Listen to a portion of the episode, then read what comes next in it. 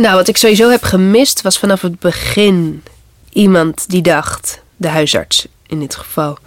Zo, dit is wel uh, serieus als iemand in een aantal maanden zulke heftige paniekklachten ontwikkelt. Dan moeten we misschien juist wel gaan graven. Wat ook niet heeft geholpen in mijn latere traject was dat er toen werd gezegd: ik geloof er niet zo in in die kindertijd en zo. Dus ik heb heel lang gedacht: oké, we blijven weg bij die kindertijd. We kijken gewoon wat er nu speelt. Aan het woord is Noor, nu 28 jaar. Ze heeft maandenlang hevige paniekaanvallen zonder te weten waardoor het komt. De huisarts doet het af als een fysiek probleem. Het taboe op mentale klachten, dat is wel kwalijk als dat versterkt wordt binnen de hulpverlening. Ehm, ik denk dat dat in de hele zorg uh, misschien wel geldt, maar speciaal in de GGZ. Dat je zelf als patiënt eigenlijk heel goed moet weten wie je bent en wat je nodig hebt. Terwijl ik eigenlijk vanaf het begin had verwacht: ik ga naar een hulpverlener toe. Ik roep om hulp en ze gaan me helpen. Dat ik keer op keer toch wel weer op mezelf werd teruggeworpen. Noor zakt steeds verder weg. Ze zit thuis, durft nauwelijks de straat op en mijt drukke plekken. Totdat ze uiteindelijk de juiste hulp krijgt. Ze vertelt open over haar mentale problemen. En wat uiteindelijk door de juiste therapie naar boven kwam. Dat ze in haar vroege jeugd is misbruikt door een vriend van de familie. Dit is Komt een mens bij de dokter. En ik ben Angelique Houtveen. In deze podcast horen we verhalen uit de spreekkamer. Intieme, ontroerende en opzienbarende verhalen. Van mensen die lang niet altijd de hulp krijgen die ze nodig hebben. Noor woont in Utrecht en werkt voor een ideële organisatie. Ze neemt ons mee terug naar de tijd dat ze studeert. Noor is dan 22 jaar. In het openbaar vervoer krijgt ze een paniekaanval. De eerste was in de metro, weet ik nog heel goed. Dat ik me afvroeg: hé, hey, wat gebeurt er eigenlijk voor vreemds in mijn lijf? Iets van angst voelde, maar ook op een heel fysieke manier. En dan werd ik daar een beetje hypochondrisch over. Van, oh, ga ik nu ineens ziek worden of een, een aanval van het een of het ander krijgen? En uh, voor ik het wist liep dat uit de hand en werd ik steeds angstiger. En uh, ging mijn hartslag enorm omhoog. En uh, dacht ik alleen nog maar, ik moet hier weg, ik moet vluchten. Maar ja, vluchten heeft niet zoveel zin, want je, neemt jezelf mee. Ik ging daarna googlen en toen las ik dat er zoiets bestaat als paniekaanvallen en hyperventilatieaanvallen ook. Maar ik dacht eigenlijk hyperventileren, dat is dat je zo heel hysterisch in een zakje aan het blazen bent. En uh, dat klopte niet helemaal bij uh, wat er met mij gebeurde. Maar wat wel klopt is dat mijn ademhaling totaal ontregeld werd. Door eigenlijk een soort diepe oerangst die er in mij omhoog kwam.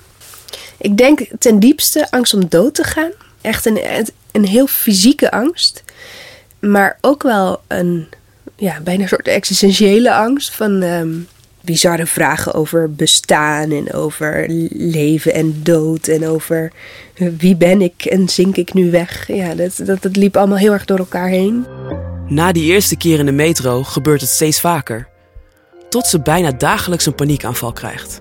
Nou ja, het gekke met um, paniek is dat je op een gegeven moment de, de angst voor de angst zeg maar krijgt. Want het is ik, ik vond het zo naar dat ik dacht: oh, als dit maar niet nog een keer gaat gebeuren. Uh, en het duurde denk ik een week voordat de tweede kwam. En uh, op een gegeven moment, doordat ik er eigenlijk zo panisch van was: van oh, dit is zo naar, dit wil ik niet. Werd de angst voor de angst ook heel groot. En daardoor ben je natuurlijk sowieso gespannener. En uh, dat is wel uit de hand gelopen tot het moment dat ik bijna elke dag uh, een paniekaanval had. Sowieso als ik de straat op ging of als ik een boodschap ging doen, dan kon ik er wel op rekenen dat, dat het mis zou gaan in, de supermarkt. En dat heeft zich opgebouwd in een tijdsbestek van ongeveer drie maanden. Totdat ik dacht, hier moet ik geloof ik iets mee. Noor weet niet goed waar ze naartoe moet met haar klachten. Na een paar maanden raapt ze al haar moed bij elkaar en neemt haar huisarts in vertrouwen. Ik vertelde waar ik last van had. Ik denk dat ik op dat moment het woord hyperventilatie heb genoemd. Um, en ik heb verteld ho hoe dat dan ging. En dat ik daardoor dingen niet meer ging doen en heel veel aan het vermijden was. Ik vond dat best wel spannend eigenlijk om dat te vertellen. Nou, de huisarts die, die hoorde dat allemaal aan. En die ging eigenlijk vooral in op het fysieke gedeelte dat ik beschreef. Hij dacht uh, dat het met conditie te maken had. Dus dat een, een hartslag die niet doet wat hij hoort te doen in rust erop wijst dat iemand niet genoeg beweegt of niet genoeg sport.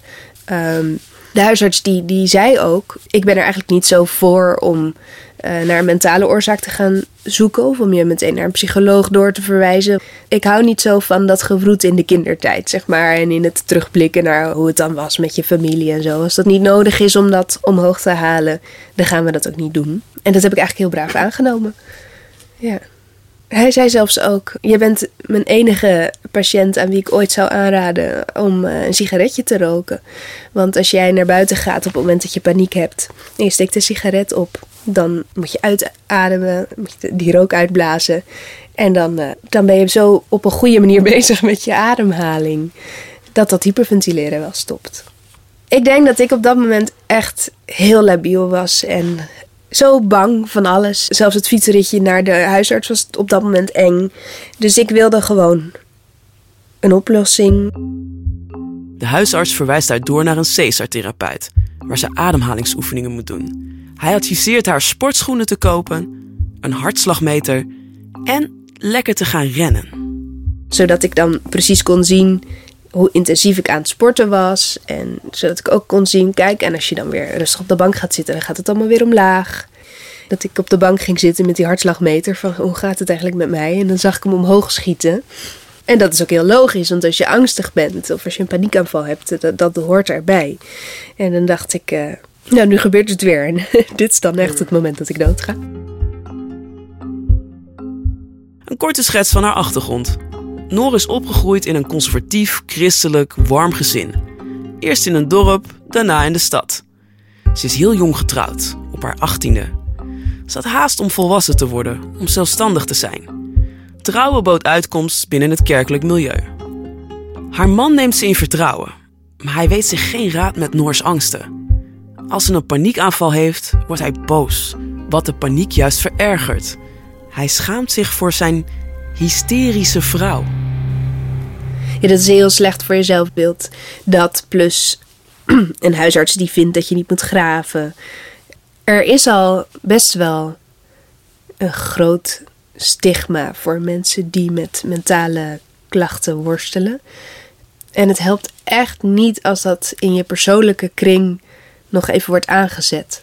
Want het enige wat je nodig hebt, nee, niet het enige, maar het het eerste is mildheid richting jezelf en acceptatie van wat er gebeurt in plaats van ook nog eens jezelf gaan straffen over nou ja, het dal waar je in zit. Noor durft nauwelijks de straat op en raakt steeds meer in een isolement. Opnieuw stapt ze naar de huisarts. De vraag was eigenlijk: mijn klachten verminderen niet en uh, ik ben nog steeds heel erg bang. En volgens mij moeten we toch gaan graven. Dus uh, ik denk dat ik toch in gesprek wil gaan met een psycholoog. Ik had daar wel echt wat schroom, uh, want sowieso is de drempel denk ik voor mensen hoog om aan te kloppen bij een psycholoog en om te zeggen ik heb behoefte aan hulp op dit gebied. En als je huisarts de vorige keer heeft gezegd, nou ga, ga maar eh, fysiek dit oplossen, ik geloof er niet in, dan moet je toch wel sterk in je schoenen staan om dat te vragen. Dus dat heeft ook die drie maanden wel geduurd. En toen eh, nog steeds, ja, vond ik het gewoon heel spannend om daarom te vragen. Mondig zijn en voor jezelf opkomen. Dat is nou precies wat niet lukt als je zo angstig en in de war bent. Pas als Noor toch expliciet vraagt om een doorverwijzing naar een psycholoog, komt de huisarts met een verwijsbriefje. Noor heeft geen idee hoe ze aan een goede hulpverlener moet komen. Ze googelt wat en kan na een paar weken wachten terecht bij een zelfstandig psycholoog. Hij ontvangt haar in zijn woonkamer en zit vrij te roken tijdens het gesprek. Ik weet nog goed dat ik een soort van verwachting had van een vragenlijst of van een aantal gerichte vragen van zijn kant, waardoor hij uit zou vinden wat er met mij was en daar dan een oplossing voor zou bieden. En ik merkte al vrij snel, eigenlijk al in de eerste sessie, dat het andersom was. Dat je zelf moet aangeven: dit is er met mij en hier komt het door. Terwijl ik juist eigenlijk het gevoel dat ik daar helemaal niet toe in staat was. Dus hij vroeg ook aan mij, waar komt het door, die paniekklachten? En ik zei, ja, wist ik dat maar. Maar goed, hij vroeg dan wel rustig door. Um, wat gebeurt op dit moment in je leven? En is er iets waar je stress of spanning door hebt? En toen uiteindelijk kwam ik dan met, ja, nou, ik ben net uit de kerk gestapt en dat is best wel spannend voor mij. En toen dacht hij, ik heb beet. En uh, toen hebben we het daarover gehad. Over wat het betekent om iets te kiezen tegen je opvoeding in, of om, om mensen teleur te stellen, of om te kiezen voor jezelf. En uh, dat was op zich best een leerzame eerste les. Maar daar ging geen vragenlijst, ook weer geen diagnose of iets aan vooraf. En ik had nog steeds wel erg het gevoel dat ik het zelf moest uitvinden wat er nou eigenlijk was met mij. Noor krijgt medicijnen voorgeschreven die aanslaan. Ze kan weer studeren. Goed gaat het niet, maar ze krabbelt wel wat op. De psycholoog zoekt de oorzaak in haar conservatief christelijke opvoeding en geeft haar adviezen om weerbaarder te worden. Veel dieper gaat het niet. Dat Noor getraumatiseerd is, komt niet naar boven. Het seksueel misbruik in haar vroege jeugd, dat ze diep heeft weggestopt, blijft voor hem verborgen. Hij kwam met de metafoor van de Labrador, die heel graag zijn baasje wil pleasen, maar eigenlijk zelf ook heel speels is en van alles wil. En uh, nou, die, die metafoor, daar had ik nog wel iets aan. Dus ik dacht, daar kan ik ook zelf mee verder. En daarnaast, doordat ik toch niet helemaal het goed had uitgezocht en het, de huisarts het ook niet helemaal goed had uitgelegd, moest ik die sessies toch zelf betalen. Dus uh, ik kon dat ook niet meer uh, opbrengen, financieel. Dus dat was eigenlijk een reden voor mij om het af te ronden. En ik dacht, ik ga gewoon zelf hiermee verder, kijken wat de Labrador wil en dan zien we het wel. Op dat moment dacht ik wel, poef, wat is dit dan een klus? Want dit verhelpt niet alles, maar uh, ik ga hier wel mee aan de slag. Ik denk nog steeds dat het eh, redelijk goed advies is voor iemand die in elkaar steekt zoals ik. Maar er was niet een aha-moment van dit is de oorzaak van alles. En de, de, de echte rust die, waar ik op gehoopt had, die, die kwam niet. Ze moet zich nu alleen zien te redden, houdt ze zich voor. Om zichzelf te motiveren adopteert ze een puppy en gaat ze hard aan de slag met de adviezen. Ik had geleerd in therapie dat voor iets of iemand zorgen de, de stress bij jezelf kan weghalen. Dus ik dacht, nou dan, dan moet ik veel en lang die straat op, waar ik toch een beetje bang voor ben geworden.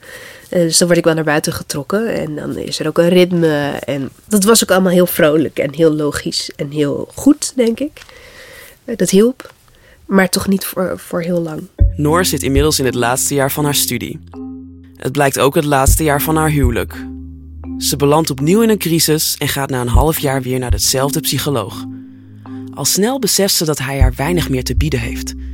Ze heeft gehoord dat haar huisartspraktijk inmiddels een praktijkondersteuner in dienst heeft genomen en vraagt of ze daar terecht kan. Opnieuw op eigen initiatief. Het was een uh, mevrouw die eigenlijk uh, heel goed was. Uh, met wie ik het eerst wel een soort van klik had. In ieder geval vertrouwen dat ze mij ging helpen. Alleen na een aantal sessies gaf zij aan dat wat er allemaal speelde eigenlijk te heftig was voor een praktijkondersteuner. En dat het toch beter was als ik naar de GGZ-afdeling in het ziekenhuis ging. Zeven cruciale maanden moet Noor wachten. In de periode dat ze de hulp het hardste nodig heeft. Helaas een veel voorkomend verhaal.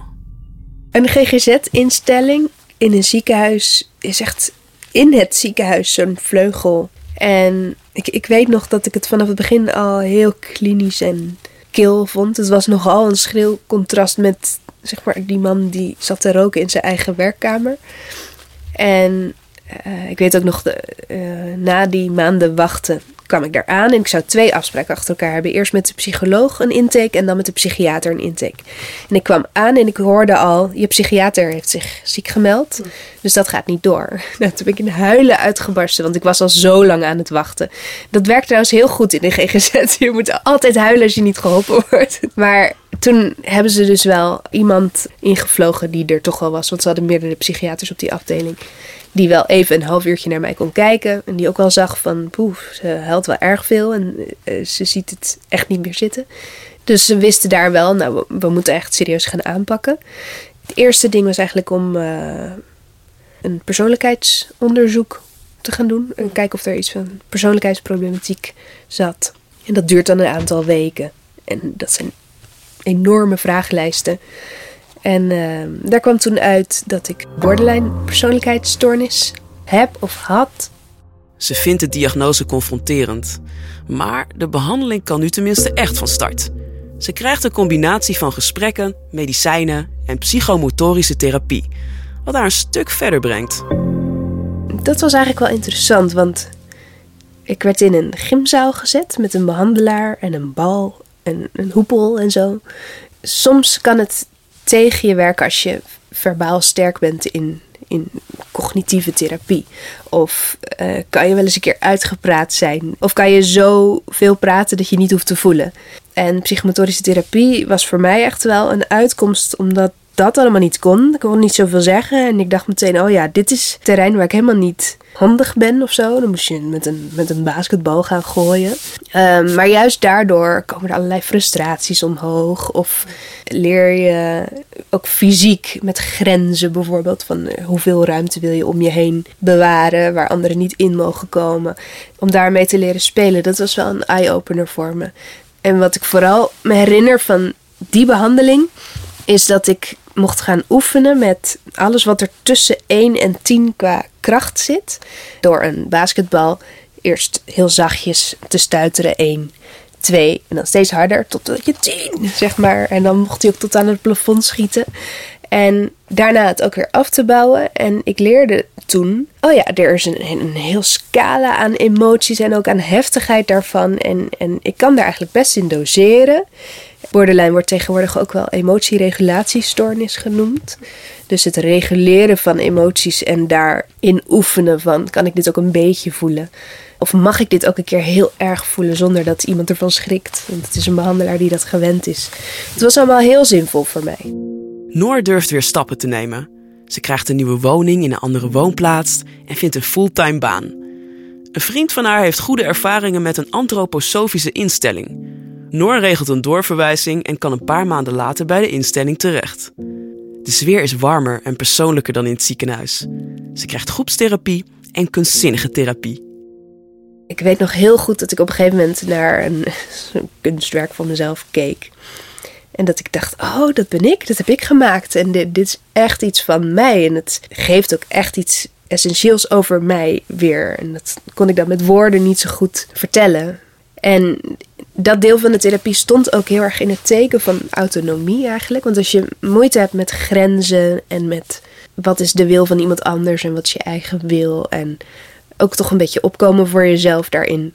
Dan zijn autonomie en zelfexpressie vaak een beetje onderontwikkeld. En dat was bij mij zeker het geval. Dus dat heb ik in die periode geleerd. Dat daar heel veel in te ontdekken valt. En dat dat me ook sterker maakte.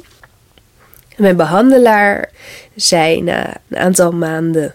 Ik heb dus die, die borderline-diagnose meegekregen vanuit je vorige behandelaar, maar ik herken het eigenlijk niet zo. Haar behandelaar vindt de diagnose te absoluut en stelt er voorzichtig vraagtekens bij. Het gedrag dat bij een borderline persoonlijkheidsstoornis hoort, kan wijzen op een trauma. Dit is de eerste hulpverlener die in de buurt komt van wat er met Noor is gebeurd. Een trauma dat ze zich nog altijd niet herinnert. Ja, in die periode voelde ik me eigenlijk best wel sterk in de zin dat ik het gevoel had dat ik echt iets geleerd had van therapie. Dat ik wel ook wist, oh, ik, ik heb misschien een aanleg voor depressie en voor angst en paniekklachten. En dat zal heus nog wel eens terugkomen in de toekomst. Maar ik had wel op zich het idee dat we belangrijke stappen hadden gezet uh, richting stabilisatie. Maar de vraag daaronder van waarom heb je dat dan en waarom word je dan in de zoveel tijd depressief, die was eigenlijk nog niet helemaal geadresseerd. Er zijn eigenlijk in die maanden een paar dingen tegelijk gebeurd. Eén ding is dat ik tegen mensen die dicht bij me stonden eerlijker ging vertellen wat er eigenlijk al met mijn huwelijk was gebeurd. En dat daar toch wel sprake was geweest van grensoverschrijdend gedrag. En dat dat ook uh, traumatisch voor me was geweest. Dan ziet Noor een interview met Giet Op de Beek op televisie. De schrijver vertelt dat ze als kind is misbruikt. Ik weet dat ik het heel heftig vond om die uitzending met dat interview te zien. Waarin zij dus vertelt hoe lang ze het niet heeft geweten. En uh, waarin ze ook wel bestookt wordt met vragen over twijfel. En, maar ook waarin ze heel duidelijk weet te vertellen wat zoiets met je doet. Uh, ik vond het heel heftig om die, die, die aflevering te zien. En in de, dat het is een proces van drie, vier dagen nog daarna geweest. Dat er een soort van een aardbeving in mij ontstond. Van dit, dit kan ik, ik, ik kon dat gewoon uh, niet meer tegenhouden. Ehm, ze zeggen wel eens in de GGZ, een bal onder water duwt, hoe harder je hem onder water duwt, hoe harder je hem op een gegeven moment in je gezicht krijgt. Dat heb ik ook echt gevoeld, zeg maar. Van, je kan iets echt heel hard wegduwen. Het stuitert op een gegeven moment toch wel omhoog. En ehm, ja, dat, dat heeft vanaf dat moment dat ik dat interview zag, een paar dagen geduurd totdat het zo ging shaken. Dat ik eerst tegen mijn broertje zei, heel voorzichtig, hé, hey, ik denk dit wel eens. Uh, en wat heb jij voor herinneringen aan die persoon? En die reageerde toen al wel direct geschrokken. En toen was het echt een, een kwestie van een paar uur daarna dat ik hem opbelde van oké, je moet me komen ophalen, want ik ben in elkaar gestort en uh, ik, moet, ik moet iets gaan vertellen. Noor vertelt bij haar ouders op de bank dat ze als kind seksueel is misbruikt. Door een vriend van de familie die dichtbij woonde. De familievriend is in Noors herinnering sterk verbonden met het verzorgen van hun konijnen rondom het huis. Ze was nog heel jong. Het gebeurde rond haar vierde en vijfde levensjaar. Als het hoge woord eruit is, reageert ze heel fysiek. Ze begint heftig te shaken en moet overgeven. Nou, wat ik heel knap vind van mijn ouders is dat er vanaf dat moment hebben zij eigenlijk alles gedaan om mij te steunen zonder daar nog vraagtekens bij te hebben of zo. Of zonder, ja, maar het was een vriend of zo. Um, het is voor ouders ook heel heftig om je zoiets te realiseren en om ook te weten: ik was er niet en ik wist het niet. Um, ik moet er even goed bij blijven. Ja, want ik heb um, een soort van wens om het heel goed te vertellen. En daarmee ga ik me helemaal inleven. Het is voor Noor zwaar om terug te gaan naar de periode dat ze seksueel werd misbruikt. Ook tijdens ons gesprek moet ze ervoor waken dat ze niet alles gaat herbeleven. Dan wordt ze weer het bange meisje dat aan een kwaadwillende volwassene is overgeleverd. En dan wordt ze overmand door de fundamentele angst die er onderhuids altijd is. En waarmee ze al die jaren heeft rondgelopen. Ze vertelt verder.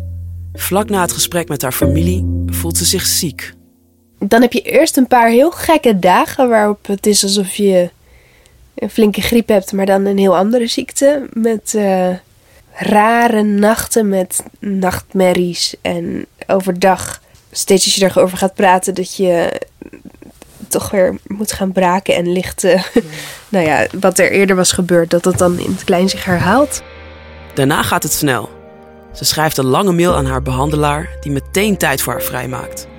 Ze krijgt EMDR, een kortdurende traumabehandeling die goed aanslaat. Wat je doet is uh, dus teruggaan naar een traumatisch moment. En je koppelt daar een, een uitspraak over jezelf aan. Bijvoorbeeld, ik ben machteloos. Wat ongeveer de waarste zin was die ik kon zeggen over wat er gebeurd was. En aan het einde van de sessie ging je dan toewerken naar een, een zin die je eigenlijk zou willen geloven over jezelf. En dat was in mijn geval, ik ben sterk. Of ik ben waardevol. Of ik ben, zelfs ik ben schoon, moest ik een aantal keer. Ik ben gewoon hygiënisch schoon. dat is wat EMDR is. Dat is wat wij gingen doen in, in combinatie met exposure. En exposure is het in een veilige setting eigenlijk met je angst geconfronteerd worden. Zoals ze dat wel zeggen over spinnenfobie. Maar dat kan je dus ook met je eigen herinneringen doen. Door dat op te roepen. Bijvoorbeeld door er in detail over te vertellen. Maar in mijn geval ook door bepaalde geuren of voorwerpen of foto's die met die situatie te maken hadden mee te nemen naar een sessie. Ik heb daar op een gegeven moment zelfs met een zakje hooi, konijnenhooi gezeten. Om dat te ruiken. Eh, omdat je geur en herinnering zijn eigenlijk heel nauw aan elkaar gekoppeld. Noor krijgt een nieuwe diagnose van haar behandelaar. PTSS, een posttraumatische stressstoornis. Je kunt dus een soort van uitgestelde traumareactie ergens op hebben. Ik kon op mijn 26ste voor het eerst echt nachtmerries gaan krijgen over wat er op mijn vierde, vijfde gebeurd was. En nachtmerries is een belangrijk symptoom van PTSS. Iets anders was dat mijn concentratie heel slecht was. dat, ik, dat ik me lastig op dingen kon focussen. Dat ik enorm schrikachtig werd. Dus als iemand mij van achteren benaderde en een hand op mijn rug legde, nou, dan zat ik tegen het plafond. En zo nog een aantal dingen die eigenlijk nieuw waren, uh, maar die bij dat uitpakken van dat allerpijnlijkste hoorden. En tegelijk realiseerde ik me ook dat ik dus eigenlijk mijn leven lang al een vorm van PTSS had gehad. Want al die andere klachten, tuurlijk, die zijn te verklaren door dat het zo klein al zo misgaat. Dus je denkt eh, over autonomie en grenzen en eh, een labrador die iemand wil pleasen. Dat je gewoon nooit hebt geleerd al vanaf zo klein om voor jezelf op te komen of om nee te mogen, durven, willen zeggen. Om voor jezelf te zorgen. Ja, dat neem je mee in je volwassenwording. En ik denk vanaf het eerste moment dat ik paniekklachten kreeg, dat dit heeft meegespeeld. Een combinatie dus met de spanning van voor het eerst wel voor mezelf gaan kiezen. En de spanningen die er op dat moment waren in mijn huwelijk. Wat eigenlijk ook een herhaling was, die keuze. Van wat er vroeger al verkeerd was gegaan.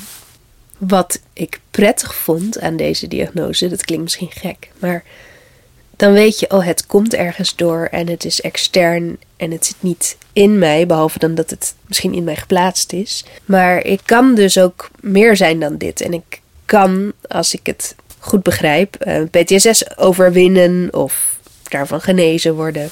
En dat is ook echt wel waar gebleken uh, tijdens die intensieve behandeling. Een paar maanden later is ze ver genoeg in haar behandeling om te worden doorverwezen naar een centrum voor intensieve traumabehandeling. Ze gaat daar intern. Twee slopende, maar helende weken. Dat zijn heel intensieve dagen waarop je ochtends een exposure sessie hebt. Dus vertellen, vertellen, vertellen over wat er gebeurd is. En uh, ze hebben daar heel nasty trucjes om alles terug te halen. Tot en met uh, dat ze op de computer geluiden van een hijgende man aanzetten. Waar je dus echt je paniek van door het plafond schiet. Ehm, en dan moet je dus leren. Ik overleef dit. Er gebeurt niets. Ik, ik word niet bang. Ik, of ja, ik word wel bang. Ik word niet gek. Ik hoef niet te vluchten. Het gebeurt niet nog een keer. Ik kan dit uh, doorstaan. En dan, nou, dan ben je gesloopt. dan moet je sporten, uh, bewegen. En dan smiddags, uh, dan krijg je EMDR dan is het dus ook heel vers. Want het is ochtends al helemaal naar boven gehaald, de angst. En smiddags gaan ze die afbreken. Dat is gewoon één grote reset eigenlijk van je hele angstsysteem. Dat heeft bij mij heel goed gewerkt. Je kan daar niet, zeg maar, want dat is eigenlijk het trucje waardoor PTSS in stand blijft. Dat van die bal onder water duwen, dat vermijden. Dat lukt niet in zo'n intensief programma. Noor heeft last van overweldigende schuld en schaamte. Dit is een veel voorkomend mechanisme bij slachtoffers van seksueel misbruik. Diep van binnen is er altijd een stemmetje dat zegt: Het lag aan jou, het is je eigen schuld. De dader is overleden, maar het voelt nog altijd alsof ze hem verraadt. Er is heel veel schuld en schaamte in het hele proces geweest. Gaf ik mezelf de schuld. Ik voelde me enorm schuldig over het feit dat ik hem nu ging verlinken. Uh, hoewel de ja, hij is al een tijdje dood.